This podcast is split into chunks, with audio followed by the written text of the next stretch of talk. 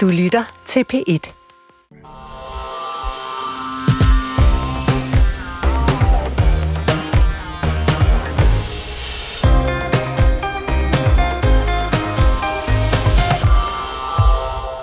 Seks betjente blev i København anholdt for tyveri og narkobesiddelse i sidste uge. Politiklagemyndigheden har i dag anholdt og sigtet seks politibetjente for tyveri og narkobesiddelse. De seks politifolk blev anholdt i dag på forskellige adresser. I forbindelse med anholdelserne har politiklagemyndigheden foretaget rensagninger på flere adresser og tjenestesteder i København og omegn. Og specialpatruljen i Vejle, den med øgenavnet Tæskeholdet, blev lukket efter kritik. Så var der to politifolk, der er blevet anklaget for at afgive falsk forklaring i Tibet-sagen. Og så er der en justitsminister, der er bekymret. Øh, og når jeg siger, at jeg er bekymret, så er det selvfølgelig fordi, at, at man kan være nervøs for, om et billede af politiet, som jeg heller ikke synes er retfærdigt, at det øh, skulle give et, et knæk i befolkningstillid. Og så er der i dag en historie fra Østjyllands politi, hvor politiet får kritik for ikke at have efterforsket godt nok i en sag, hvor et børnehavebarn muligvis er blevet oversat for overgreb. Det her det er dagens pæt debat Vi diskuterer, hvad sker der i dansk politi for tiden? Kan vi stole på politiet? Har vi værvet de forkerte? Det vender vi i dagens debat. Du kan blande dig med din mening. Har du tillid til politiet? Er du bekymret? Ring 70 21 19 19 eller sms 1212 til P1. Og mit navn, det er Gitte Hansen.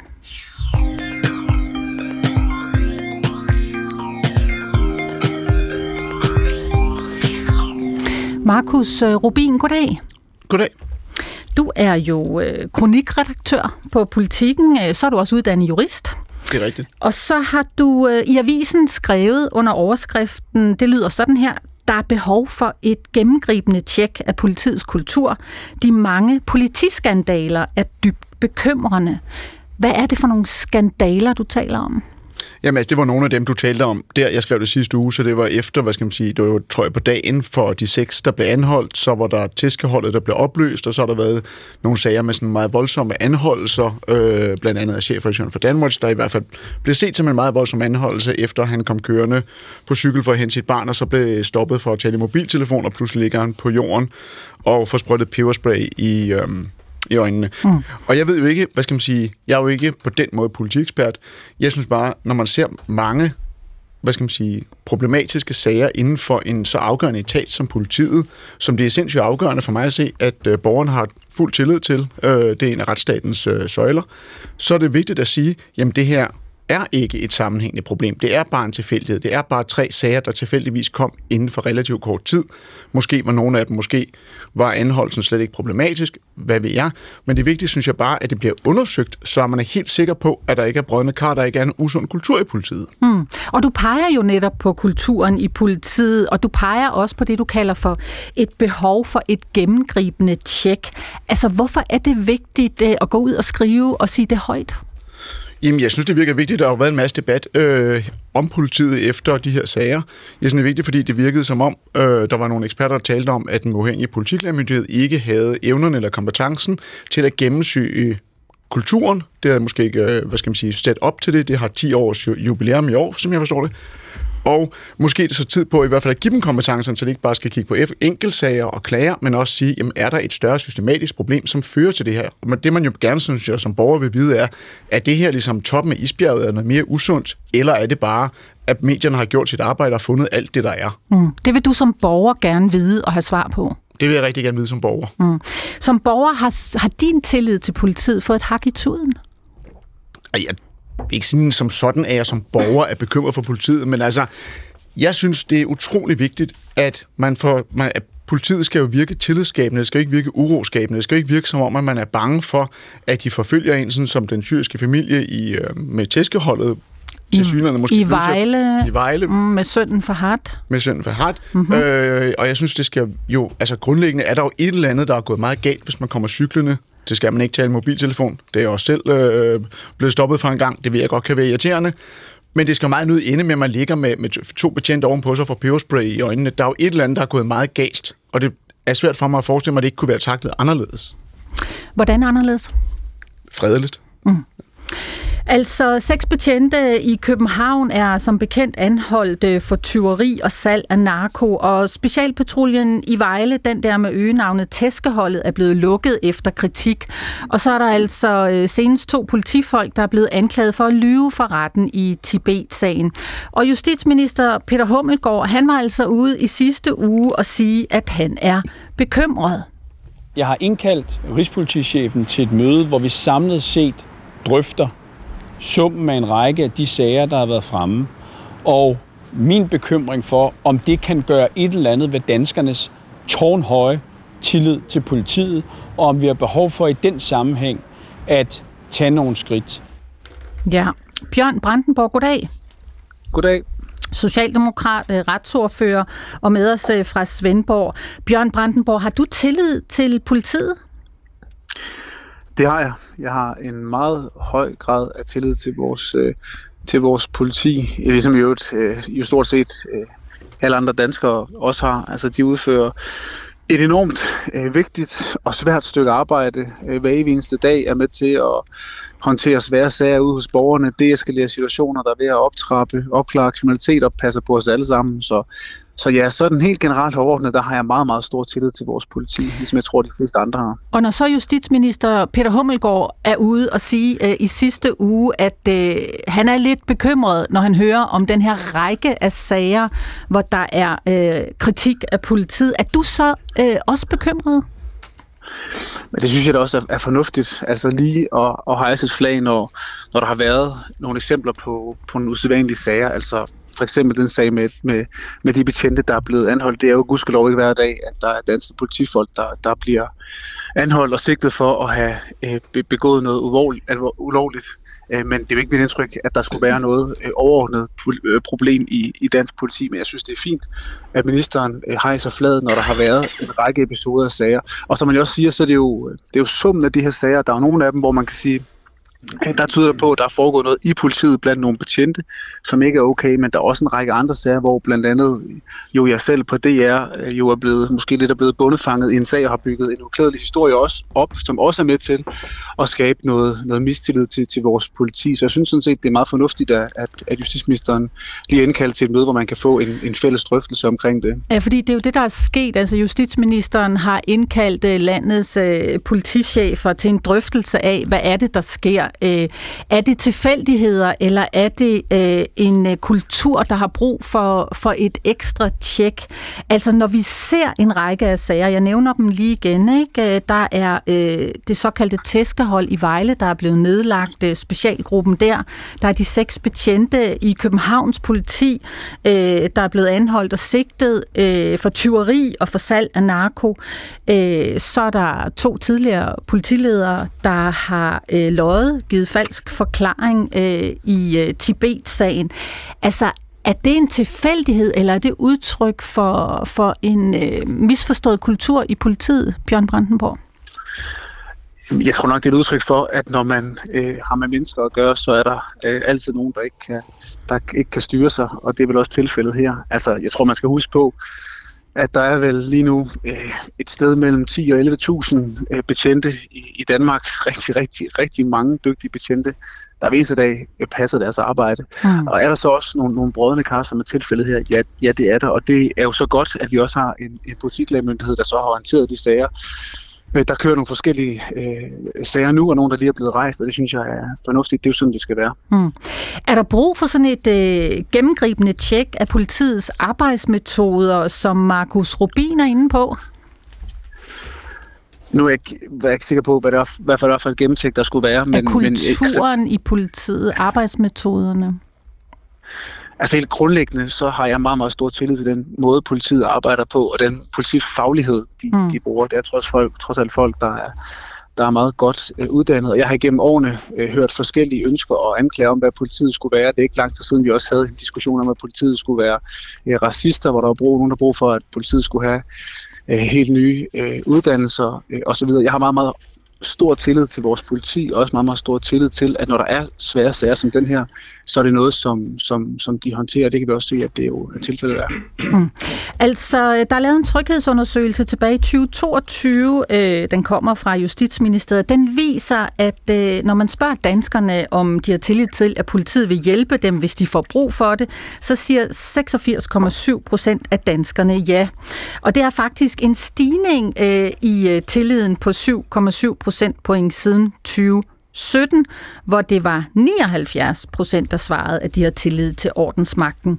Markus Rubin, så kan jeg jo spørge dig, altså som øh, kronikredaktør på Politiken, er du med til at puste til mistilliden mod øh, bedre vidne, når vi taler øh, politiet og deres arbejdsmetoder? Nej, det håber jeg sørme ikke. Jeg håber sørme ikke, at det skal puste til nogen mistillid at sige, at hvis der kommer mange sager, at det så skal undersøges, om der er en sammenhæng, eller om det er enkeltsager. Jeg håber da netop, det er den måde, man opbygger tillid. Altså, øh, nu er jeg, som du selv sagde, jurist, og et af de klassiske udtryk for den europæiske menneskerettighedsdomstol er jo, at justice shall not only be done, it must also be seen to be done, med mm-hmm. andre ord det er jo super, at folk har tillid til det, øh, og 86, som er jo 7 procent mere end for to år siden, mm-hmm. har tillid til, at politiet kommer og hjælper dem. Men meningen er jo, at man skal have et bevis og kunne se, prøv at høre, vi undersøger det, vi tager det alvorligt. Når der kommer mange enkeltsager, så siger vi ikke bare, vi har kigget på sag A, sag B, sag C, sag D, så siger vi, okay, fint, som justitsministeren siger, vi må gennemsøge, om der er et eller andet bredere problem, eller om det bare er tilfældigt, det kommer nu. Og når så, at øh, du alligevel rejser kritikken, som du jo gør i din avis, øh, og peger på en kultur, der trænger til et tjek. Hvad er så din primære bekymring, når du udpeger kulturen i politiet? Jamen, min primære bekymring er, at det underminerer tilliden, som så, altså nu de her sager jo alle sammen kommet fra efter den der undersøgelse i 2022. Det er jo spændende at se, hvad der sker i den næste undersøgelse, hvis den kommer i 2024, om det rent faktisk har rykket noget. Min bekymring er, at politiet ikke bliver set som den, øh, hvad skal man sige, ekstremt tillidsskabende instans, den skal være i et retssamfund. Øh, og de her sager eroderer det, og det vil erodere det mere, hvis at politiet bliver set som ikke at tage det alvorligt. Øh, så jeg tror slet ikke, der er nogen fare for, de tager det for alvorligt. Jeg tror, jo mere alvorligt de tager det, jo mere tillid skaber det. Mm. Bjørn Brandenborg, som retsordfører for Socialdemokraterne, så er der jo altså 13 procent tilbage, der ikke umiddelbart i tryghedsundersøgelsen har tillid til politiet. Er det et problem? Øh, ja, det er det da. Altså, øh, jeg, jeg, øh, jeg tror, vi alle sammen har et ønske om, at så mange som overhovedet muligt skal have tillid til, til vores politi. Vi kan også se, at der er forskellige områder, hvor der er større udfordringer med det, så, så det, der er der selvfølgelig en, en opgave, og det ved jeg selvfølgelig også, at politiet er opmærksom på. Mm. Karina Lorentzen, vi skal også en tur til dig, SF retsordfører. Du er med os øh, fra Kolding i dag. Øh, du har udtrykt bekymring for nogle af de sager, vi har hørt om de seneste uger. Blandt andet, hvis vi lige starter med den fra Københavns politi, hvor seks betjente altså er sigtet for tyveri og salg af euforiserende stoffer. Altså, hvad tænker du om den række af sager, vi ser lige nu? Klagesager og kritik af, af politiet. Er det en tilfældighed, eller, eller er der et problem? Altså jeg tror grundlæggende også, at jeg har tillid til politiet. Altså der er trods alt 12.000 mennesker, som går på arbejde hver dag, fordi de er optaget af at gøre en forskel. Men når jeg kigger på, øh, på rækken af sager, øh, så bliver jeg jo også en lille smule bekymret. Øhm, og, øh, og udover alle øh, de sager, der har, har været en udfordring. Jeg tror, der er lidt ekko på. Ja, jeg, jeg, ikke, jeg skal fjernes. se, om jeg kan prøve at fjerne noget af det her ved at trykke på nogle knapper. Hvordan lyder det nu? Ja, det må vi lige... Nu lyder det rigtigt. Det var godt. Ja. Nej, der er sørme stadigvæk ekko på. Nå, det prøver vi lige at få gjort noget ved, så hopper jeg lige øh, videre her øh, i studiet. Øh, Kenneth Christensen Bært, goddag. Goddag, goddag. Så skal vi se, om vi kan få noget lyd på dig. Der var du. Øh, Kenneth Christensen Bært, øh, Dansk Folkeparti, og du sidder i øh, Vallensbæk Byråd. Mm. Ja. Du var jo hurtigt ude på X, Kenneth, mm-hmm. øh, og jeg læser lige op, hvad du skrev. Ja så meget ikke i orden. Det er jo helt ublu angreb på vores politistyrke fra Peter Hummelgaard, altså justitsministeren. En justitsminister, der ikke selv kan finde ud af at overholde loven og parkere ulovligt. Fuld opbakning herfra til vores politi. Det er justitsministeren, der har et problem. Hvad i alverden mener du? Jeg mener det, jeg siger. Øh, jeg mener, at det øh, Peter Hummelgaard gjorde i sidste uge, det var at indlede et angreb, et frontalangreb mod hele det samlede danske politikorps med en mistænkeliggørelse af dem for at have en forkert kultur og en forkert adfærd mm. på baggrund af nogle sager, som efter min mening øh, er øh, enten øh, forkerte, øh, det er Tober-sagen fra Vejle, som jo efterhånden har rigtig mange øh, forskellige komponenter i sig, hvor man efter min mening godt kan se, at politiet nok har gjort, hvad de kunne. Og så på baggrund af en sag fra Københavns politi, som det er Københavns politi selv, der har anmeldt. Altså det er jo Københavns politi, der har anmeldt de der betjente, fordi man havde en mistanke om, at der foregik noget forkert. Og det viser jo netop, at politiet har styr på tingene, og at der ikke er behov for at sprænge den atombombe, som Peter Hummelgaard jo sprænger ved at indkalde alle øh, politidirektøren til møde hos sig. Altså det er et meget, meget voldsomt skridt, øh, og de synspunkter, han, han lagde til øh, grund her, de kan ikke fortolkes på mange anden måde, end at kalde det en mistænkeliggørelse af hele korpset. Og det synes jeg ikke, politiet har fortjent. Men altså, vi taler jo, som vi har været inde på nogle gange efterhånden, du har selv nævnt seks betjente i Københavns politi, øh, tidligere ansatte, sigtet for tyveri, en specialenhed kendt for at være et tæskehold, der nu er nedlagt i Vejle. Så har vi de to tidligere ledere i politiet, der er sigtet for at afgive falsk forklaring i Tibet-sagen osv. Altså, hvordan har politiet ikke et problem? Jamen det der er jo enkeltsager alt sammen. Altså det handler jo ikke om den enkelte betjent, som går på arbejde hver eneste morgen og passer sit arbejde. Og det er den betjent, som efter min mening bliver underløbet af landets justitsminister, og dermed også hans øverste chef med den udmelding, der kom om, at der er en forkert kultur og en forkert adfærd hos politiet helt generelt. Øhm, Selvfølgelig er der nogle ting, som ikke er gået fuldstændig efter planen, men jeg må bare alligevel sige, at man i forhold til den sag fra København, det er Københavns politi selv, der foretager anmeldelsen af de her betjente, og det viser efter min mening jo netop, at systemet virker.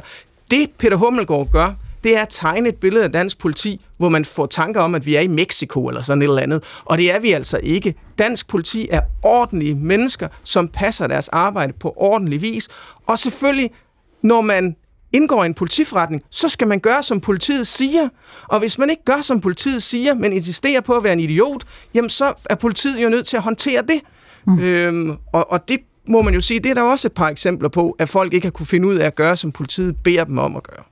Bjørn Brandenborg, lige tilbage til dig som retsordfører for Socialdemokraterne. Når din og regeringens justitsminister Hummelgaard går ud og siger, at han er bekymret, er, er I så selv med i Socialdemokratiet til ligesom at underminere politiets troværdighed? Nej, altså helt ærligt, jeg synes, jeg synes mest, det lyder som om, at, øh, at Kenneth han er begyndt at kede sig lidt i byrådet i Vandensbæk og savner energien på, på Christiansborg. Altså den øh, svage, der er sludder, der kom lige der. Altså det ministeren har sagt, det er, at summen af de sager, der har været nu, både hvor der har været eksempler på noget, som heldigvis sker meget sjældent, at der er nogle politifolk, der er blevet anklaget for at have begået øh, jo noget meget alvorligt, nogle alvorlige forbrydelser i Københavns Kommune, men jo også alle de andre sager, altså hvor blandt andet øh, DR har malet et billede op om, at, at politiet nogle steder i, i Jylland skulle begå øh, ulovligheder osv. Summen af de sager gør selvfølgelig, at det kan rykke noget ved tilliden til politiet nogle steder. Både, både på de sådan, konkrete sager, der kan være, hvor der bliver begået noget alvorligt, men jo også de, de eksempler, hvor der bliver, måske bare bliver tegnet et billede af, at der bliver begået noget alvorligt. Og på den baggrund er det jo sund fornuft lige at kalde de relevante politidirektører sammen og lige have en snak om, hvordan de selv mærker det derude, hvordan man håndterer det, hvordan de arbejder med det. Det synes jeg i virkeligheden er en minister, der tager ansvar for sit område. Kenneth Christensen Bært, sund fornuft og lige tjekke ind, om der faktisk er noget galt. Hvorfor kan du ikke nikke øh, til det? Det kan jeg ikke, fordi at, øh, jeg kan godt høre, at Bjørn Brandenborg han er blevet sendt i byen for sådan at afdramatisere situationen, og det synes jeg egentlig også, det er på sin plads. Men, men ikke desto mindre, så må man jo holde fast i, at justitsministeren er landets øverste leder af politiet. Øh, og når han føler det betimeligt at indkalde samtlige politidirektører i samtlige politikreds til et møde, så er det jo ikke fordi, der er en enkelt sag et eller andet sted i København, så er det fordi, at han netop tænker, her har vi et generelt problem, og det synes jeg ikke er rigtigt, for jeg mener ikke, vi har et generelt problem. Jeg mener, vi har nogle flittige, dygtige, arbejdsomme mennesker i politiet, som har fortjent et klap på skulderen, og i øvrigt også en lønforholdelse, som regeringen ikke vil give dem, øh, og ikke har fortjent en justitsminister, der en kniv i ryggen på dem.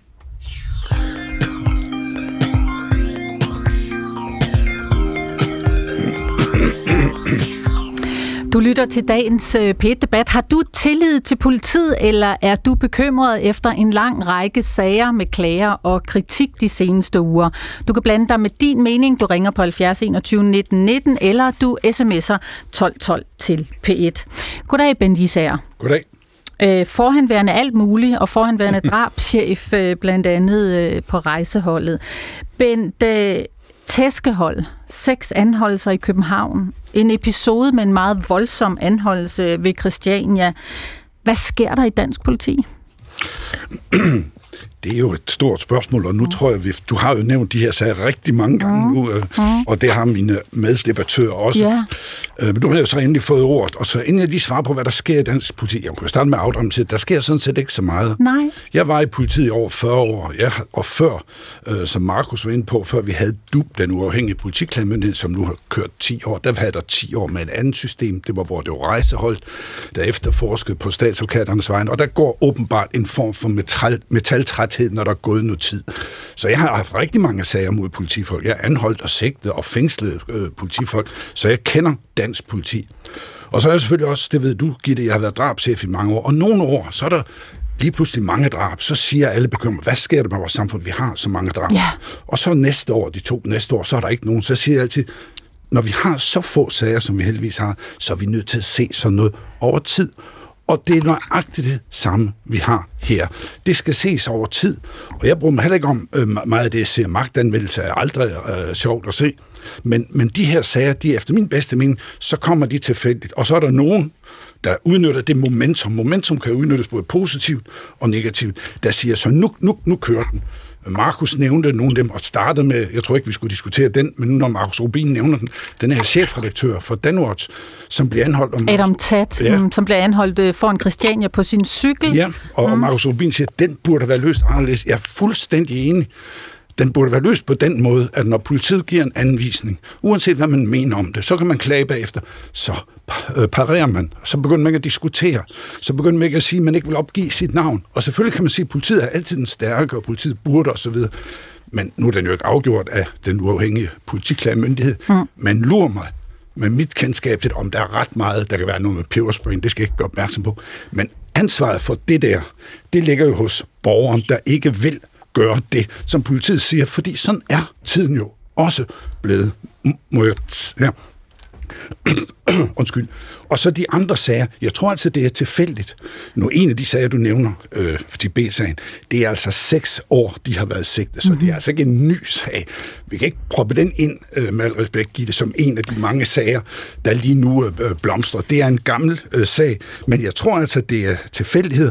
Også selvfølgelig, jeg har selvfølgelig også set så mange andre, den der tæskeholds fra Hat-sagen, som den mm-hmm er meget betænkelig også ved ja, din egen butik. Altså, det er altså meget betænkelig øh, ved det der. Jeg tror... Den dokumentar, ja, som det har lavet. Ja. Men, men må, må jeg lige sige, mm. jeg tror, Thomas Falbe, nyhedschefen, jeg tror, han må efterhånden være den eneste, der fastholder det her synspunkt. Mm. Vi har ikke antydet noget han må være, undskyld, lidt komisk af alle. Jeg har set ham i alle nyhedsprogrammer. Alle andre mm. har selvfølgelig fattet beskeden om, at man antyder, at politiet har noget med den her stakkels drengs forsvinden at gøre. Ja, og det bryder jeg mig ikke om. Nej, det er modtaget, Bent Isager. Øh, det man jo kan sige, det er, at øh, der er jo flere medier, der har dækket øh, de her sager. Også sagen om tæskeholdet, specialgruppen der i Vejle, som nu er Sydjylland, Sydjyllands politi er lukket ned. Men Bent Isager, jeg lægger mærke til, at du siger, at du har også selv været med til at mm. anholde og sigte politifolk i de mange år, du har været med. Betyder det, at der altid har været brødende kar i politiet, og det vil der altid være? Jeg er næsten ked at sige ja, men må ikke svaret er ja. I enhver stor organisation. Du kan også se, der er journalister, der er læger, der er alle mulige, der er til at træde ved siden af. Mm-hmm. Der er øh, sygeplejersker, der bliver dømt for at slå deres patienter ihjel, sygeplejerskesagen. Der er socioassistenter. Selvfølgelig er der brødende kar. Der er, en redakt- der er en journalist for et stort dagblad, der nu sidder fængslet i en af de største øh, pædofilisager. Så selvfølgelig er der brødende kar, og det er der også. Og der taler du om hvilket magasin, øh, dagblad? Nej, jeg tænkte, den har vi været frem. Den ekstrablad journalist, som nu er øh, fængslet og, og, og mm-hmm. for, for, mm-hmm. for pædofili. Og, så, og, og det er ikke for det, jeg prøver bare lige at, at, at ramme nogle af de sager, som det jo altid være der. Jeg er helt med på, at politiet, som jo står med en helt anden, det er noget andet at være utilfreds med lægen, eller med læreren, eller pædagogikken. Jeg er helt med på, hvor vigtigt det er. Og jeg synes, det er fornuftigt, øh, mm. det der, som øh, Østjylland, Sydøstjyllands politi gør, nedlægger sådan noget. Jeg har selv, også efter min rejseårstid mm. som chef, været med til at nedlægge specialpatrulje. Fordi specialpatrulje har jo det.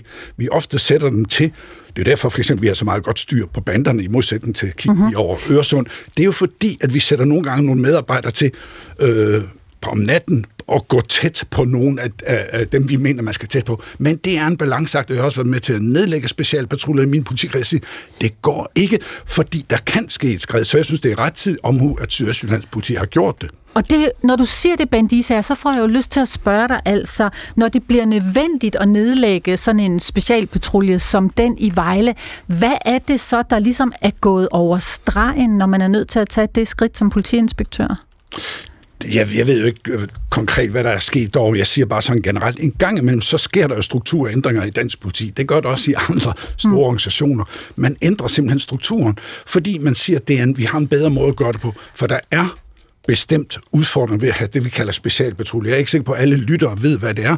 Det er sådan en form for uropatrulje, noget man kan sætte ind Øh, det er meget fornuftigt nogle gange, men det skal holdes tæt ledelsesmæssigt fokus, fordi du bringer også medarbejderne tæt på nogle mm. problemer og nogle mennesker, som også tæt, øh, tit er, er tar, klar til at tage konfrontation og sådan noget. Og det synes jeg også, at øh, jeres øh, dokumentar viser vældig godt, men jeg synes, det vil jo klæde, mm. øh, der ikke var nogen af de der spørgsmål. Den her 16-årige dreng, der optræder, hvorfor er render han rundt sammen med familien kl. 2 om natten nærmest og jagter mm. Og nu snakker øh, du om DR-dokumentaren, ja. hvor er Fahad. Lad mig lige øh, vende blikket tilbage til nogle af de her andre sager, altså. Fordi når nu, at man er i en specialpatrulje, som du selv siger, man er ude i frontlinjen, og det går mm. nogle gange lidt hårdt for sig. Det er så også noget af det, der har været kritik af, at der har været en lidt hårdhændet tilgang derude så kunne man jo spørge dig, Især, tænker du, at politiet som statsmagt med voldsmonopol Øh, Øh, skal være bedre end alle os andre, og bedre end det, vi taler om her, der er sket for eksempel øh, med specialtruppen der øh, i Vejle? Ja, det synes jeg, jeg brugte så også udtrykket før, det er jo politiet, der er den voksne undskyld. Jeg tror godt, du ved, hvad jeg mener. Man skal passe på, og ikke, som jeg måske også lyder sådan, jamen det er deres egen skyld, de kunne bare... Mm-hmm. Det er jo selvfølgelig politiet, der er organisering, uddannelse, og især med øh, ledelse, intern ledelse, og du kan tro, den er der. Du har selv ved det, der var også andre, der sagde, at ikke politiets ledelse er i gang. Politiet er jo fuldstændig opmærksom på de her ting, hvilke udfordringer der ligger. Øh, og jeg tror, man skal, igen, man skal være meget på, og ikke med, med på den her vogn. Nu har der været, vi kan, hvor mange kan vi tælle? Så har vi et problem. De er vidt forskellige. Og, og, og nogle er blevet kæmpe store og blevet forårsaget kæmpe demonstrationer rundt i landet mm. og, og blevet døbt. Hvad skete der med Fahad? Altså, medierne får jo en enorm, øh, et enormt ansvar, når man skriver og laver den slags ting på baggrund af noget, man ret beset ikke rigtig ved noget om. Karina Lorentzen, så tror jeg, vi har dig med igen på en telefon her. Er du i den anden ende i Kolding? Det skulle jeg gerne være. Det var godt. Karina Lorentzen, øh, retsordfører øh, fra SF. Karina, øh, vi var i gang med det her med den bekymring, der er for, hvad sker der lige nu i politiet? Er det en tilfældighed, at vi ser en række sager, hvor der er klager og kritik, eller, eller er der en bekymring, der er grund til at kigge på? Hvad er dit svar der? Altså, jeg synes jo grundlæggende, at det er en rigtig stor udfordring, at vi ikke altid kan få en forklaring på de her forløb.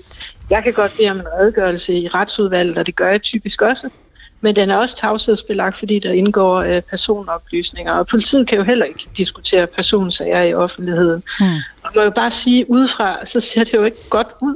Nej. Øh, og det er simpelthen, uanset hvad der er i sagerne eller ej, så er det jo egnet til at pille ved tilliden til politiet. Og derfor synes jeg egentlig, at det er fornuftigt, at justitsministeren har taget nogle skridt i den her øh, mm. i, den her, i, i kølvandet på de her sager. Og, og Karina, må jeg lige spørge dig, altså Karina Lorentzen, når du siger, at det ser ikke godt ud udefra, altså hvad tænker du på? Hvad er det, der ikke ser godt ud?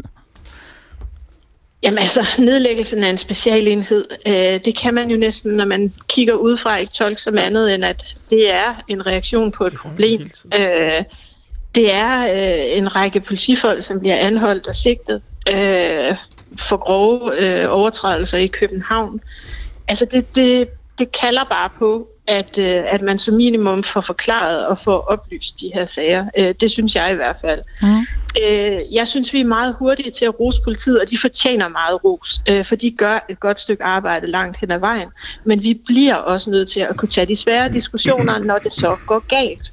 Og det er der, hvor jeg nogle gange synes, at det er vi måske ikke så gode til, og så har vi den her begrænsning, som gør, at de er svære at diskutere, fordi de indeholder personoplysninger, og det gør, at vi kan ikke få en offentlig debat om det.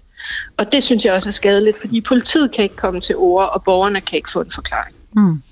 Og Kenneth Christensen Bert, så står du og ryster på hovedet, mm. øh, når Karina taler om den bekymring. Altså, hvad er det, du ikke forstår eller ikke anerkender? Jeg synes, det er meget, meget vigtigt at sondre mellem, at der øh, kan være nogle enkelte sager. Øh, nu synes jeg ikke, de her er særlig... Altså, jeg kan ikke se andet end den her sag fra Københavns politi som et øh, sådan hvor jeg synes, der er et kæmpestort øh, problem.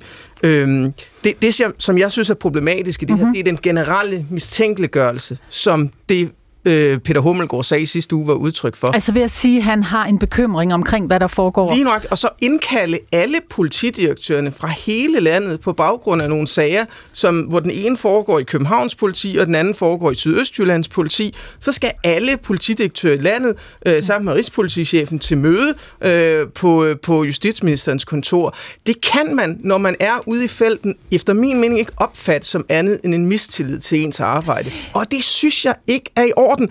Altså, det er virkelig mennesker, som har et hårdt arbejde. De går på arbejde hver eneste dag med risikoen for øh, at komme til skade, med risikoen for at dø potentielt. Og, og, og, mm. og så sidder altså, nu kan lytterne ikke se dig. og mistænkeliggør deres Kenneth arbejde. Ja. Christensen Berg. Men jeg kan fortælle, at du er sådan er helt op øh, Jamen, på jeg synes, tæerne. det virkelig er urimeligt, ja, det her, det må jeg sige. med armene, når du taler. Men det, der sker, det er jo, vi har en rigspolitichef, som sammen med justitsministeren indkalder øh, landets øh, politichefer for at tage en snak om, hvad er det, der sker? Er der noget, vi bør gøre anderledes? Er det ikke bare rettidig omhu? Nej, det mener jeg ikke, fordi jeg mener, at, hvis, øh, at, at, at det, at man gør det her fra justitsministerens side, det er udtryk for, øh, en grundlæggende mistillid til politiet, øh, som er på et helt forkert udgangspunkt. Altså som jeg sagde, Københavns politi, det er meget begrædeligt, den her sag har været, men Københavns politi har faktisk selv anmeldt de der mennesker. Så er der Sydøstjyllands politi. Jeg synes, der er rigtig mange nuancer i den her sag, øh, som Bendisse også har været inde på. Så det vil sige, jeg synes hele grundlaget for at gøre det her, det er simpelthen ikke til stede. Øh, og derfor bliver det, det, det kommer til at se rigtig, rigtig skidt ud, og det kommer til at være forfærdeligt for den enkelte politibetjent at blive mistænkeliggjort på den måde. Markus Rubin. Tusind tak. Jamen, altså, jeg synes jo, Altså, jeg er jo selvfølgelig glad for, at Bent mener, der er gode ting i gang rundt om de enkelte politikredse, og det er sikkert rigtigt, men jeg synes jo netop pointen er, og det er derfor, jeg synes, det er helt rigtigt, hvad justitsministeren og rigspolitichefen har gjort. Det er ret, det er ret at få tjekket, at det rent faktisk er rigtigt. Øh, jeg synes jo som borger, lidt ligesom Karina, jeg er glad for, at jeg ikke bor i, i en by, hvor der er et øh, specialenhed, specielt enhed, der er kendt som tæskeholdet, der vandrer rundt. Øh, jeg synes bare, at det, der er et navn som tæskeholdet til en politienhed i sig selv, er sådan en lille smule urovækkende. Og så kunne jeg bare lyst til at spørge øh, Bent og, og Kenneth, som jeg står her med, nu siger jeg, at det er enkeltsager, og det er jo rigtigt. Og man skal ikke, de er meget forskellige, det er også rigtigt. Men hvor mange enkeltsager synes I så egentlig, at der skal til, for at det bliver et problem, som I synes skal undersøges? I siger? Tydeligt flere.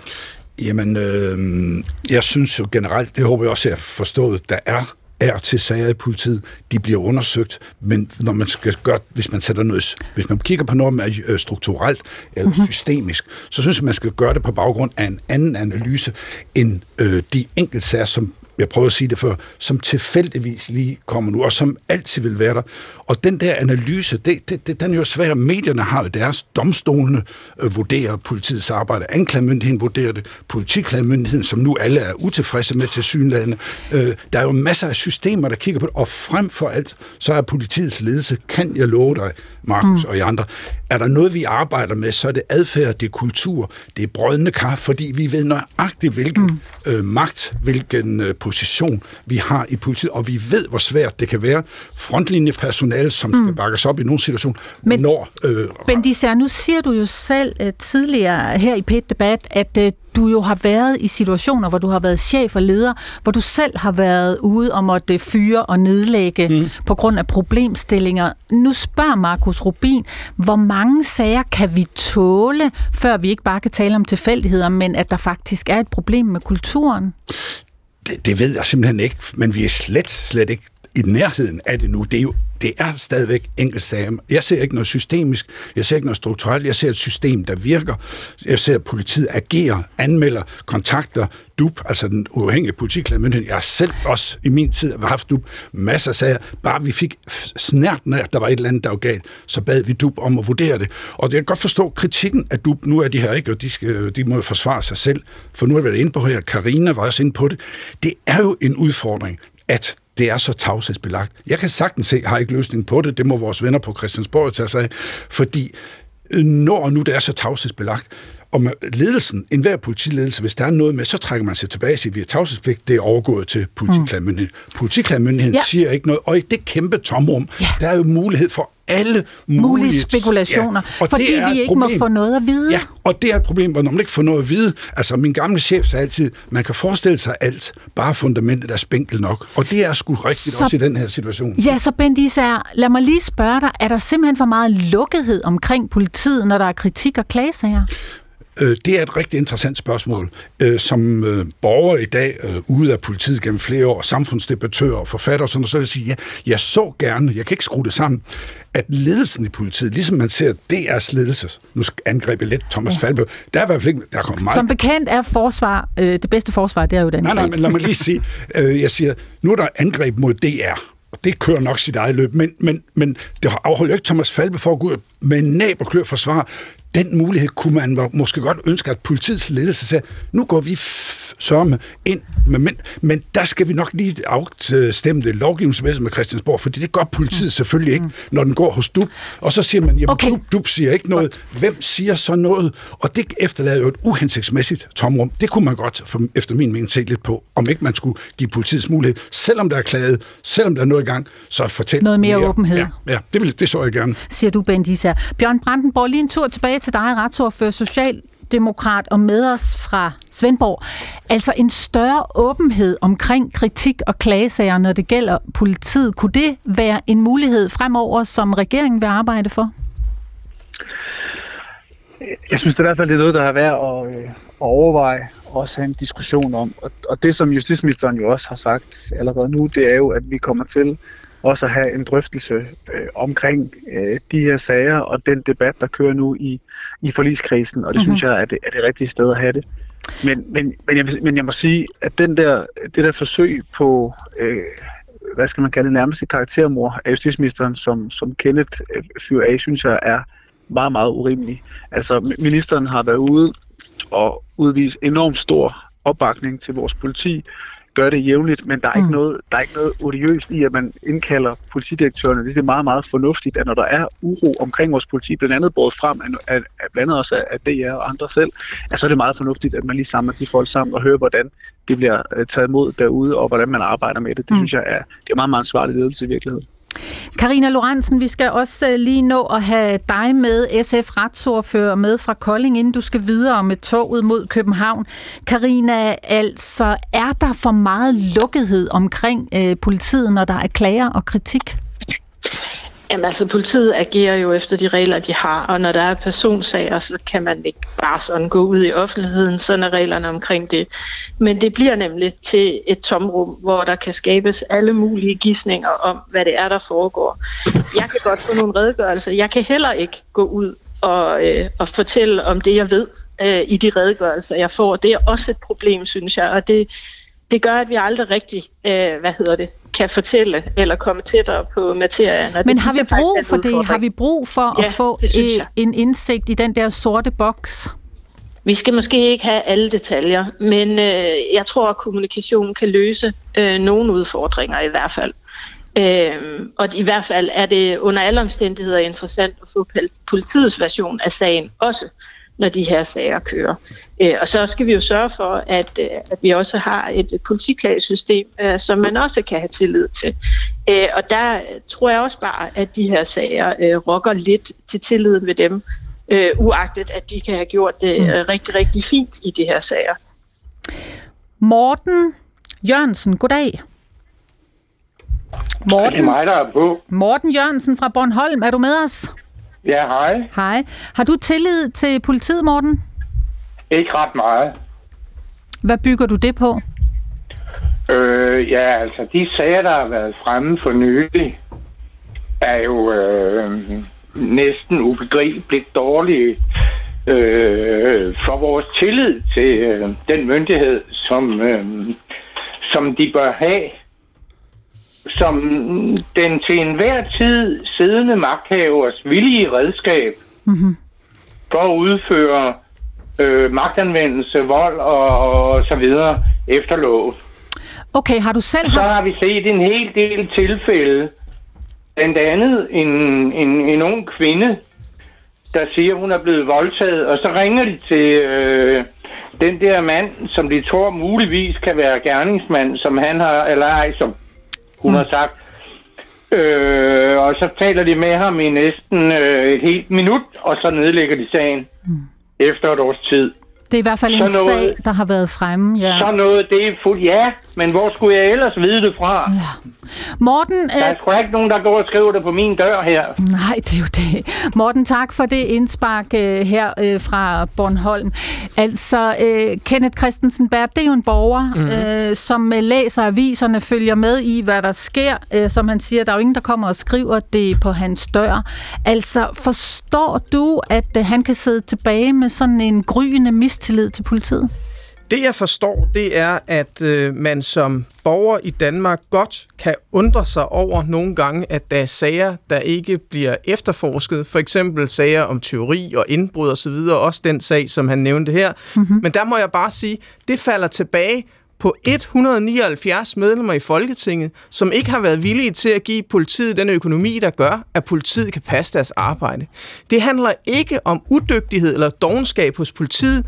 Det handler om de 179 på Christiansborg. Bjørn Brandenborg, som en af de 179, som Socialdemokrater og retsordfører, handler det her også om øh, manglende ressourcer til politiet? Bjørn Brandenborg? Nå, det ser ud som om Bjørn er løbet sin vej. Karina Lorentzen, er du stadigvæk med os så? Ja, det er der. Retsordfører øh, SF, og også siddende på en af stolene på Christiansborg. Altså, øh, det er jo en kending, det der med at råbe på flere ressourcer til politiet, men øh, har det noget på sig? Det tror jeg da sådan set, det har. Øh, problemet er, at øh, det er også svært at få øh, lidt kendskab til. Øh, alle de informationer, man øh, modtager som øh, politiker i en forligskreds, de er jo filtreret af Justitsministeriet og politiet selv. Øh, og jeg har tit øh, efterlyst et tilsyn, for eksempel med efterforskning, fordi jeg har ikke en kinamands chance for at vide, hvad det er, der går galt. Er det, fordi man ikke har de rigtige kompetencer? Er det, fordi man ikke har tiden? Jeg synes bare, der er alt for mange sager, der bliver rullet op, og hvor vi kan se, at der er mangelfuld eller tjusket efterforskning, eller hvor sagerne bliver henlagt og egentlig godt kunne blive til noget. Og den slags synes jeg er skadeligt, både for politiet, men især for de borgere, som har øh, sådan en sag. Og vi så jo i 2020, da man lavede en undersøgelse i politiet selv af borgernes opfattelse af, hvordan de går til vold og voldtægt. Altså halvdelen af dem, som havde haft en voldtægtssag, var utilfredse med politiets behandling. Det synes jeg er et kæmpe problem. Bendisager, som øh, foranværende drabschef, øh, blandt andet fra rejseholdet, altså, det er jo nemt at råbe på ressourcer, men handler det om det, eller handler det om noget andet? Jamen, nu bliver der ligesom blandet en ny ting. Jeg er enig meget af det, Karina siger, faktisk også det, Kenneth siger. Øh, altså, nu skal, man skylder måske lige lytterne. Nu kom der lige nogle sager ind, hvor det er noget andet. Det er jo noget med, man var utilfreds Altså fra Morten på Bornholm, ikke? Ja, ja og der har også været andre den slags. Mm. det har jo ikke noget med dub at gøre. Det, når politiets efterforskning under kritik, så kigger man på det, at de, øh, så er det mm. de regionale statsadvokater, der skal ind og se politiets efterforskning. Men så hele det der, det der forstår folk måske ikke Nej, men så er det da godt give det, jeg får lov til at fortælle det her i dit yes. program, fordi det er jo det, der er problemet. Det er, at det hele bliver kørt sammen i en pavillon, også af medierne.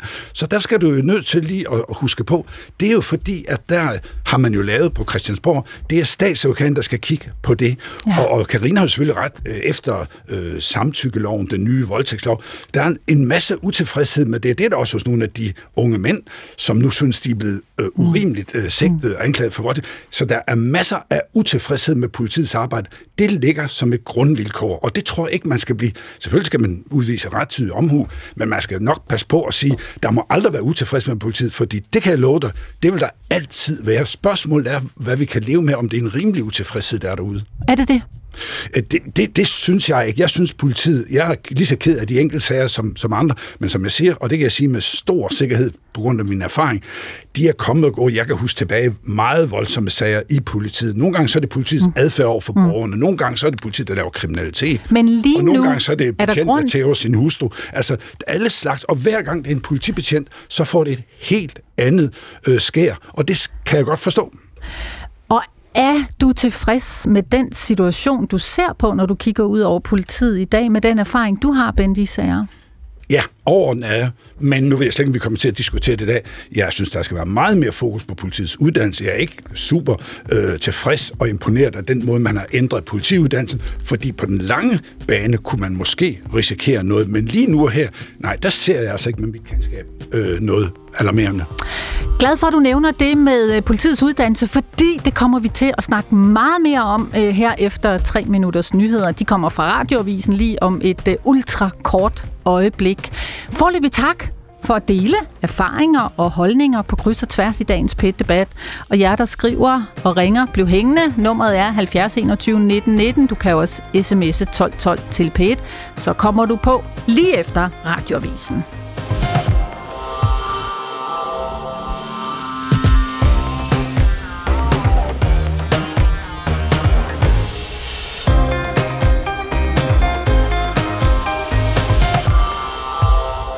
Sådan her lød det fra justitsminister Peter Hummelgaard i sidste uge.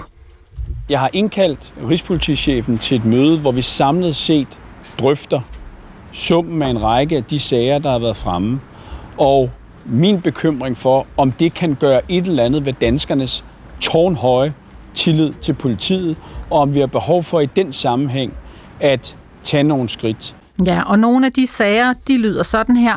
Seks betjente i København er anholdt for tyveri og salg af narko. Specialpatruljen i Vejle med øgenavnet Tæskeholdet lukkes efter kritik. Så er der to politifolk, der er blevet anklaget for at lyve for retten i Tibet-sagen. Og så har der været en voldsom anholdelse af en mand uden for Christiania i København. Justitsministeren er, som øh, det lyder her, bekymret. Det her det er anden afdeling af dagens pæt-debat. Vi øh, vender, hvad sker der i dansk politi? Kan den uafhængige politiklagemyndighed være bedre til at stoppe og kritisere sager, som de nævnte. Det vender vi altså i dagens pæt debat. Du kan blande dig som altid med din mening. Har du tillid til politiet? Er du bekymret? Ring 70 21 19 19 eller sms 12 12 til P1. Og mit navn, det er Gitte Hansen.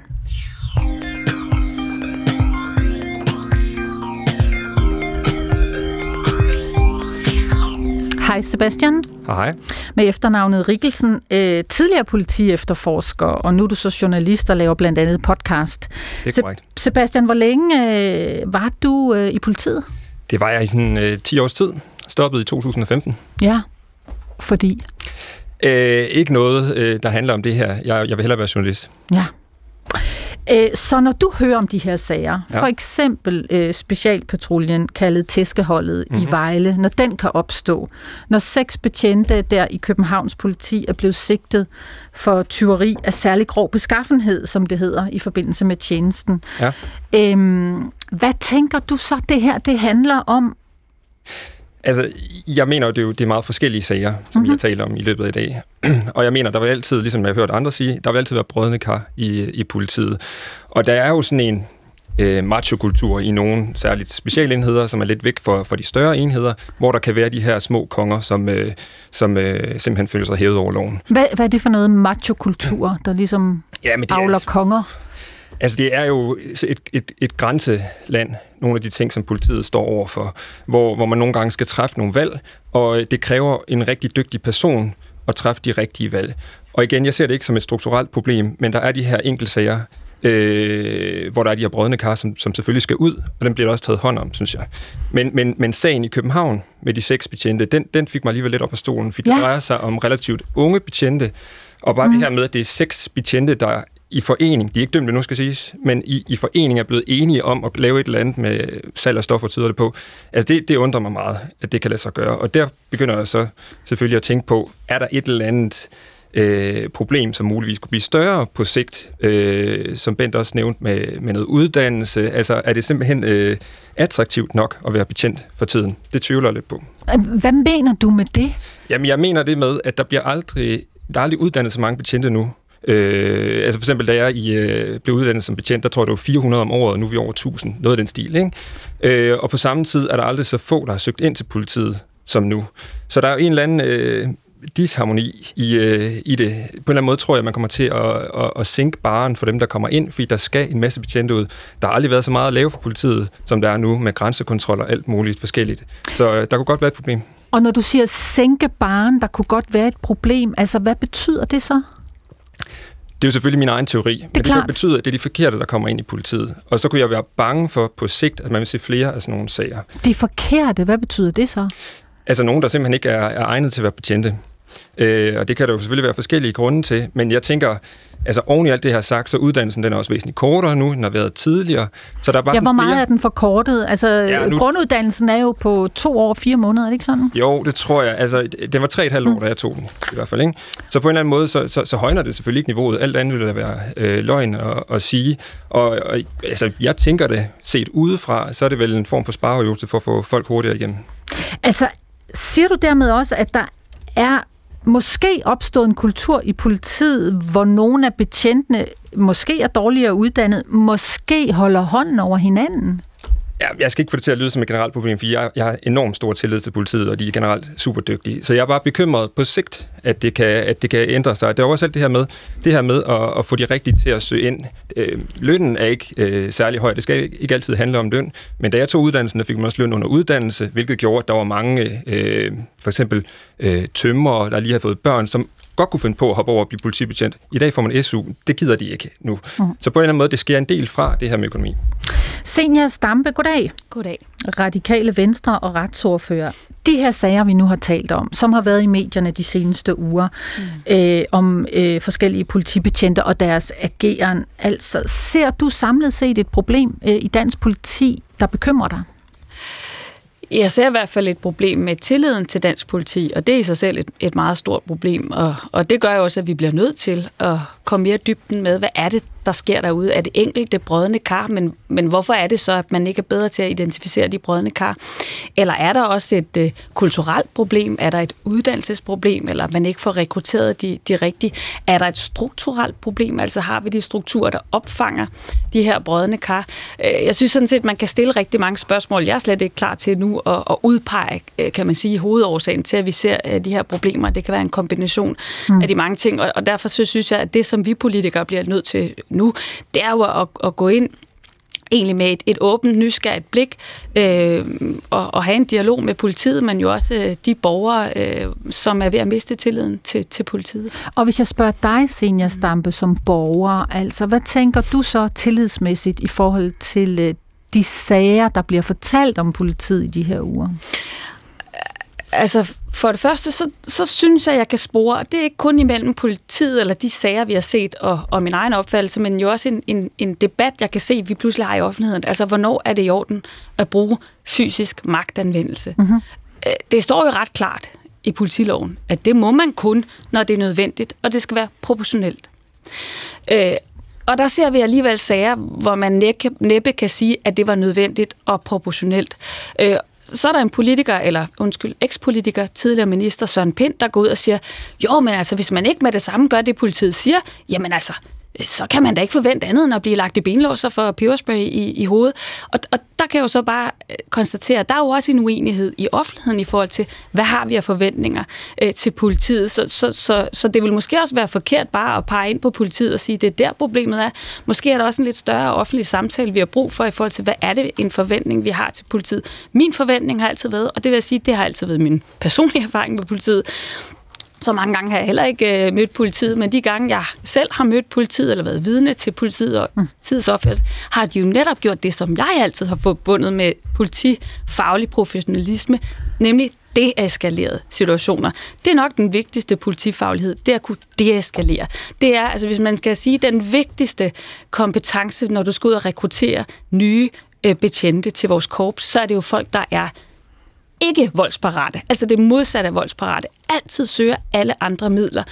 Øh, det tror jeg også, man i høj øh, udstrækning har gjort, men, men nu ser vi jo nogle sager, hvor, hvor om det er så, fordi man har rekrutteret de forkerte, eller om det er nogle enkelte brødende kar, som mm-hmm. ikke er blevet fanget i systemet, eller om der er en fundamental uenighed, som vi jo så også ser i offentligheden i forhold til, hvornår er det okay at bruge fysisk magt. Øh, og der har vi bare set nogle eksempler, hvor, hvor, hvor det i hvert fald har skadet min tillid øh, til politiet, og det som jeg opfatter som politifaglig professionalisme. Mm. Bent Isager, øh, som forhenværende chef øh, forskellige steder i politiet, altså... Øh, nu taler Senior Stampe om det her med, at der er opstået en debat om politiets magtanvendelse, og hvor meget skal der til, før man øh, bliver lagt i benlås og får peberspray. Altså mangler der simpelthen en forklaring på politiet for, øh, hvornår er det i orden, og hvornår er det ikke? Altså noget af det, Senior sagde, synes jeg er rigtig, rigtig øh, rigtigt og relevant, og noget af det, det er det der med den offentlige samtale. For jeg tror jo, nu er vi, det er jo politiet, vi taler om i dag, og det er her, vi har statsmagt, statsmagten, det har vi, vi har magtanvendelsen, det har man ikke de mange steder, men det er jo generelt hele det der med at blive udfordret, hvor øh, autoriteter, øh, lægens øh, diagnose, lærerens pædagogik, øh, anvisninger, der, der er simpelthen, øh, fordi vi er sådan et frit elskende land, ikke? Hvem bestemmer, at du skal mm. ikke? Og, og det er jo fuldstændig rigtigt. Det er den væsentligste kompetence for politiet. Jeg er 100% enig. Det er at kunne deeskalere en situation. Det er helt afgørende karaktertræk for at få folk ind i, uh, i, uh, i uh, politiet. Noget af det, Sebastian sagde, øh, hæfter mig også ved, du spurgte ikke om det tidligere, men nok så kan jeg sige det selv nu, den der sag fra København, jeg hæfter mig også ved, at de er usædvanligt unge. Mm. Jeg siger ikke, at det, hvad det betyder, men hvis vi skal til at tale uddannelse, jeg synes, når jeg tidligere har set noget, der kan se skred i en, øh, en kultur eller et eller andet, så er det nogen, der har ligesom om, som siger, opbygget en vis frustration, et eller andet i deres liv. Det her, det er, jeg håber og tror også, det er, det er, det er enkelt Nu er det slet ikke udboret endnu, og vi ved slet ikke, hvad der er op og ned. Jeg ved ikke, hvad der er stjålet. Jeg ved bare, det er en tyverisag. Jeg kan så da også til gengæld sige, at de er jo ikke blevet fremstillet i grundlovsforhør med, med, med krav om varetægtsfængsel, hvilket jo øh, som politifagligt siger, så er det jo åbenbart heller ikke værd, for det vil man jo gøre normalt, hvis det var... Øh, jeg selv har haft sager med tyveri af mm. særligt grov beskaffenhed, og dem får vi altså varetægtsfængsel, mens vi efterforsker normalt. Der kommer øh, en del sms'er. I får lige et par stykker her. Der er en her, det er da flindrende ligegyldigt, hvor fejlene begås. Det svækker da til enhver tid tilliden til staten, og uddannelsen er heller ikke god nok. De skal jo kunne klare mange meget forskellige sager. Venlig hilsen, Anne Svendsen. Så er der en her, betjente af mennesker, der er altid rådne æbler, Øh, jeg vil personligt nødig undvære politiet, på trods af det, vi hører lige nu, ja. Men på sigt ændrer det ikke min tillid til politiet med venlig hilsen Morten Teddy Samuelsen. Så siger jeg goddag til dig, Henrik, fra Frederiksberg. Ja, hej. Henrik, øh, er du med os her i PET Debat i dag? Det kan du tro, jeg er med her. Super. Henrik fra Frederiksberg, øh, har du tillid til politiet? I, I alt overvejende grad har jeg meget stor tillid til det danske politi, og jeg synes en sag som i sidste uge, hvor seks betjente bliver anholdt for en, en, en uheldig narkosag, jo, jo styrker min tillid netop, fordi det viser sig, at systemet jo virker. Altså det bliver jo efterforsket, de bliver anklaget og, og, og anholdt, og alt virker efter bogen. Det er slet ikke det, jeg synes problemet er. Jeg synes problemet er, at der er så mange sager, hvor at der bliver indgivet en klage til, til den uafhængige politianklagemyndighed. Ja. Som jo så viser sig i alle statistikker, øh, at, at de stort set bliver afvist alle sammen. Altså, ud af tusindvis af sager er det jo meget, meget lille fåtal, der, der bliver... Øh, der får konsekvens for de enkelte betjente, og, og i værste fald har det jo vist sig bare at være en enkelt påtale. Øh, som, som jeg har kunne læse mig frem til og høre mig frem mm. til, så har der i de seneste mange år ikke været et eneste tilfælde af en betjent, der er blevet sagt op. Og, og, og det synes jeg rokker meget ved min tillid, og det synes jeg taler imod alt det Ben Isager fortalte jo før om, at det er helt naturligt, der sker de her ting men de har jo ikke nogen konsekvenser. Lad så det er mit lille indspark i debatten. Tak for det. Henrik, hvad står du på, når du siger øh, de her ting? Altså har du selv nogen erfaring med politiet? Overhovedet ikke. Mm. Øh, jeg har ikke været anklaget eller anholdt eller noget andet. Bent Isager, mm. øh, hvad vil dit svar være til en mand som Henrik her, som øh, taler om, at øh, det er svært at se, at øh, der ligesom er konsekvenser? Jeg, jeg ved ikke, hvad jeg skal øh, sige sådan klart. Hvis du nu spurgte politiforbundet, så vil de, de har de er også, de er ikke særlig begejstrede for, for nu uafhængig politiklagemyndighed, ikke anklagemyndighed, som der bliver sagt. Men de siger det, fordi at de synes, at politiklagemyndigheden tager realitetsbehandler alt for alt for mange urimelige, øh, dår, altså klagesager, chikanøse klager, og det er alt, alt for nemt. Så jeg tror også bare, at der er en rigtig mange af den her type sager, som simpelthen selvfølgelig i sagens natur blive afvist. Om det er for mange, men jeg siger, jeg skal ikke gøre mig klog på, på, på DUP, som vi kan kalde den øh, i forkortelse. Hvis man er utilfreds med det, så må politikerne igen, som de gør cirka hver 10 år, så må de ændre systemet, eller give øh, DUP de ressourcer, eller processuelle, altså at de kan udtale sig noget mere, mm. eller give de ressourcer. Fordi det er ligesom med domstolen. Der er jo også øh, er jo mange, der bliver, ikke bliver rejst tiltale okay. ved, ved retten. Så der er, jo, der er jo mange af de her sager, som ikke bliver til en dom. Øh, sådan er vores retssystem jo. Det var svar til dig, Henrik, øh, på Frederiksberg. Tak for at sparke ind øh, i dagens PET-debat med din undren. Øh, det kan du også gøre, hvis du sidder og brænder med noget. 70 21 19 19 eller sms 12 12 til PET. Sebastian Rikkelsen, altså øh, i forhold til til det her med øh, den uafhængige politiklagemyndighed, DUBEN. Ja. Øhm, at, er den gal der, når folk kan få opfattelsen af, altså at det, det nytter alligevel ikke noget at klage over politiet? Flere forsvarsadvokater har jo været ude at sige det samme øh, i flere medier. Ja, altså så synes jeg, den er gal. Og det er ikke, er ikke dermed sagt, at det er forkerte beslutninger, de har truffet. Men øh, altså, jeg tror, at det svækker tilliden, når man kigger på statistikkerne, og at næsten ingen øh, bliver dømt. Og det, det, hænder, det ender jo stort set altid med ord mod ord, og der, der øh, vægter politibetjentenes ord højere, hvilket jeg også skal gøre, synes jeg. Men på en eller anden måde, så mangler der så et form for bevis. Mm. Og øh, jeg tror, at diskussionen omkring krops, kropskamera hos betjente, den, den må jo komme i kølvandet på alt det her. Og der, jeg kan både se fordele, og kan sagtens se ulemper ved det, men på en eller anden måde, så det og man kan også lige gå tilbage. En af grunden til, at der er så mange sager nu her, det er også fordi, øh, stort set alle borgere, de, øh, de hvad hedder det, filmer med deres mobiltelefoner. Og sådan noget, når der kommer sådan en øh, anholdelse af ham, øh, chefredaktøren, så i sagens natur, der er en anholdelse voldsom. Altså der, der taler vi om uh, manden uh, ja, Adam Tat, som blev anholdt uh, ved Christiania, uh, da han kom cyklerne. Lige præcis. Og igen, i videoen, der ser man anholdelsen er gået i gang, man ved ikke, hvad der, hvad der går op til. Uh, så når man ser det som borger, så ser det fuldstændig vanvittigt ud. Der er en mand, der er på vej ned og hente sine, uh, sine børn. Jeg tror, der er en anden forhistorie, som vi ikke kender til, men, men, men det er jo også Hvad, hvad bygger du det på? Du tror? Altså, det, altså det, jeg tror, jeg synes, jeg kan se ud fra, øh, ud fra videoen, der bliver også råbt et par gange, at han skal være med at gøre modstand og alle de her ting. Og han har også selv sagt, at han ikke vil oplyse navn og alt sådan noget. Det, mm-hmm. det, det ser man ikke i, i videoen. Når videoen kommer ud, så ligger der bare en mand og skriger øh, på gulvet. Ikke? Men tilbage til, altså nu popper tallene faktisk lige op på min skærm her. 97 procent af alle klager til duben øh, fører ikke til kritik eller sanktioner, og det er altså tal fra 2022. 97 procent fører ikke til nogen former for sanktioner. Ja. Hvad siger det dig? Jamen altså... Er det tillidsskabende? Nej, det er det ikke. Og igen, det kan sagtens være, det er rigtige konklusioner. Øh, men på en eller anden måde, så skal der være lidt mere gennemsigtighed, end der er nu. Senior Stampe, som retsordfører for Radikale, de her tal altså, og forsvarsadvokater, der er ude at sige til flere medier de seneste uger, det nytter ikke noget at klage over politiet, fordi det fører ikke noget godt med sig. Nej, øhm, og for det første, så tror jeg måske også en af grundene til, at der ikke øh, bliver øh, udtalt kritik, er jo mangel på beviser. Øh, og mange af os har jo så stor tillid til vores politi. Jeg synes jo, det ville være mm. direkte upassende, hvis jeg tog mit kamera frem og begyndte at filme i det øjeblik, jeg mødte en politibetjent. Jeg er ikke bare upassende, jeg synes, det ville være helt modsat, for jeg har jo netop tillid til, at politiet er der for at passe på mig. Men det, jeg synes, vi mangler også at diskutere i forhold til duben, fordi det er klart, der er noget i forhold til, hvordan efterforsker man osv. Det skal vi ind og kigge på. Mm. Men jeg synes, der er en anden vigtig øh, pointe, øh, som jeg også har hørt nogen rejse, og den synes jeg er meget, meget vigtig. Fordi hvad er der egentlig sket med duppen. Altså, den er jo skabt med de bedste intentioner om uafhængighed, så politiet ikke skulle undersøge sig selv. Men det, der jo så er konsekvensen, det er jo en eksternalisering af ansvar, altså af ledelsesansvar. At ledelsen sådan siger, nå, jamen det har vi sendt til duben, det kigger de på.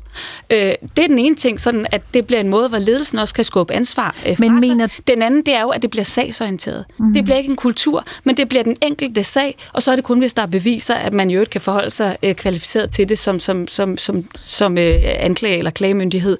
Øh, og, og, og der tror jeg bare, at, at der skal vi have en, have en diskussion af det her øh, duben, som netop er skabt med de bedste intentioner, og som sådan, jeg tror dem, der har, de politikere, der siddet med, der har været stolt af den konstruktion. Tænker du, den fungerer? i dag? Jeg tænker, at der er nogle ting, der der fungerer, men det er klart, det her med manglen på beviser, det er jo også en af grundene til, at vi også gerne vil gå ind i diskussionen omkring krop, kropskamera, men jo også en diskussion af, hvor stiller det ledelsen, politiledelsen? Altså hvis de bare kan skubbe mm. alle problemer videre, i stedet for at tage et ledelsesansvar for en kultur, fordi politi- politiklagemyndigheden forholder sig ikke til kultur.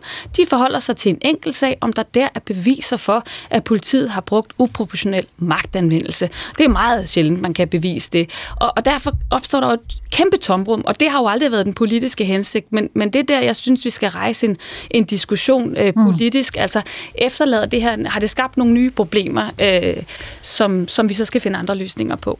Markus Rubin, øh, kronikredaktør på Politiken og sådan set også uddannet jurist. Du har jo skrevet om det her i din avis, og noget af det, du peger på, det er, at du mener, at det skal undersøges, om DUBEN, altså den uafhængige politiklagemyndighed, kan forbedres. Du skriver om det, som sagt, det, i en leder i politikken. Hvorfor tænker du, at der er grundlag for at gøre noget ved DUBEN, som den jo hedder populært?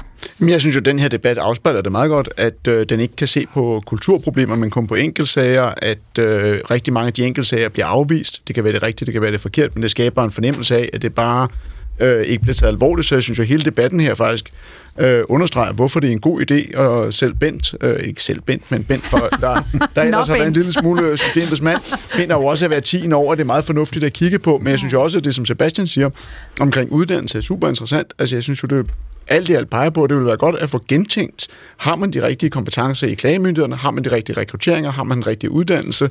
Fordi ingen mennesker er jo interesseret i, at politiet ikke fungerer. Alle er jo interesseret i, at det fungerer. Det er der jo universel enighed om. Spørgsmålet er bare, hvordan sikrer man det, og hvordan sikrer man, at det også bliver set som fungerende af borgerne? Mm. Danny, goddag. Goddag. Danny fra Roskilde, øh, politibetjent. Ja, jeg er politiassistent egentlig, men ja. Politiassistent, ja. Hvad er forskellen egentlig? det er bare et spørgsmål, hvor længe man har holdt ud, tror jeg. og hvor længe har du holdt ud, Danny? Det er snart ni år. Okay, tillykke med det har jeg næsten øh, lyst til at sige. øh, Danny, hvad er din pointe i debatten i dag?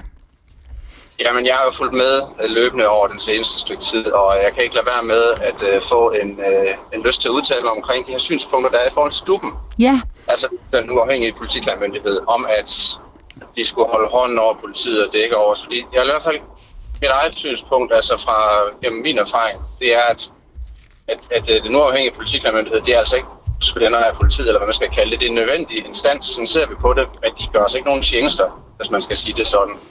Øh, jeg har selv den opfattelse, at politiet i dag kontra politiet i for eksempel 80'erne og 90'erne opfører sig meget pænere, men der bliver til gengæld klaget langt mere over. Øh, og jeg tror også, at det er en del af forklaringen, en stor del af forklaringen til, mm. at der er så mange øh, anmeldelser og klager, der ikke fører til noget. Altså eksempelvis, øh, jeg, jeg blev selv anmeldt for, for nogle uger siden for, for voldtægt. Øh, jeg og flere andre kolleger skulle i forbindelse med tjenesten have voldtaget en. Øh, og det var en psykisk syg kvinde, der indgav den, og det okay. har sådan lidt, jeg, jeg bærer ikke ned over for det, kan man sige. Mm. Men den figurerer jo i statistikken som en klage, der ikke fører til noget. Okay. Øh, Øh, tak for at dele det, Danny. Altså, jeg har lige lyst til at spørge dig. Øh, nu har der jo været alle de her forskellige sager øh, fra Sydjyllands politi i Vejle, fra København øh, politi øh, og andre. Altså, tænker du, at det er tilfældigheder, at vi ser den her række af sager, kritik, klager over politiet? Eller er der noget, der har ændret sig i rekrutteringen, i kulturen øh, til korpset? Altså, jeg blev selv utrolig overrasket over den sag fra København. Jeg har selv arbejdet i København, og, øh, og jeg er helt målløs over den hændelse fra sidste uge. Øh, men umiddelbart ikke. Altså, jeg ser ikke nogen ændring i kulturen i den tid, jeg har været. Nu har jeg jo ikke været der i så mange år. Jeg har ikke engang været der 10 år. Mm. Øh, ja, altså, um, umiddelbart så ser jeg ikke nogen ændring i kulturen. Øh, jeg tror, at det er en naturlig udvikling, at når der først er kommet et vis fokus så har vi et øget fokus, hvor at så kan vi træde mindre ved siden af, eller så bliver der i hvert fald gravet mere og fundet flere sager. Øh, jeg tror, det er et naturligt, øh, naturligt forløb. Men, er det ikke også, men Danny, er det ikke også rimeligt, at øh, når der opstår den slags sager, som vi taler om her, så bliver der kigget ekstra kritisk på politiet og den måde, I arbejder på? Jo, absolut. Det er, det, det er, det er klart vigtigt. Jeg synes også bare, det er vigtigt så i den forbindelse mm. at kaste ordentligt lys over sagen, blandt andet i forhold til det her med, at duppen skulle holde hånden over os. Det tror jeg ikke, du kan finde nogen betjente, der føler, at de gør. Okay, Danny. Tusind tak for at sparke ind ude fra øh, virkeligheden derude øh, i dagens PET-debat. Lad os lige tage en, øh, en hurtig runde. Altså, Sebastian Rikkelsen, øh, når Danny øh, taler øh, om, at... Øh, at øh, duppen, den holder altså ikke hånden over øh, betjentene. Tænker du så, ja, det har han da ret i, eller tænker du, ah, Altså, det tror jeg sådan set, at han er ret i. Men igen, når beviserne ikke er der, så bliver de selvfølgelig heller ikke dømt. Så jeg, det er jo det her med, at det er svært at samle beviser sammen i de her sager.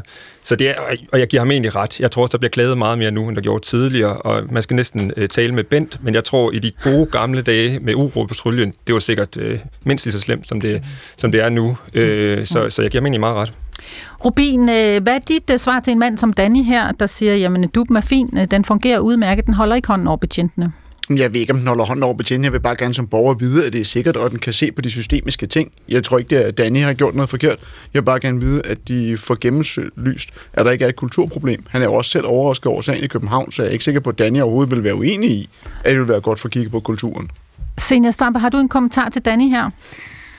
Øhm, jamen, jeg tror, han har helt ret i, at der sidder ikke nogen og holder hånden over øh, hinanden.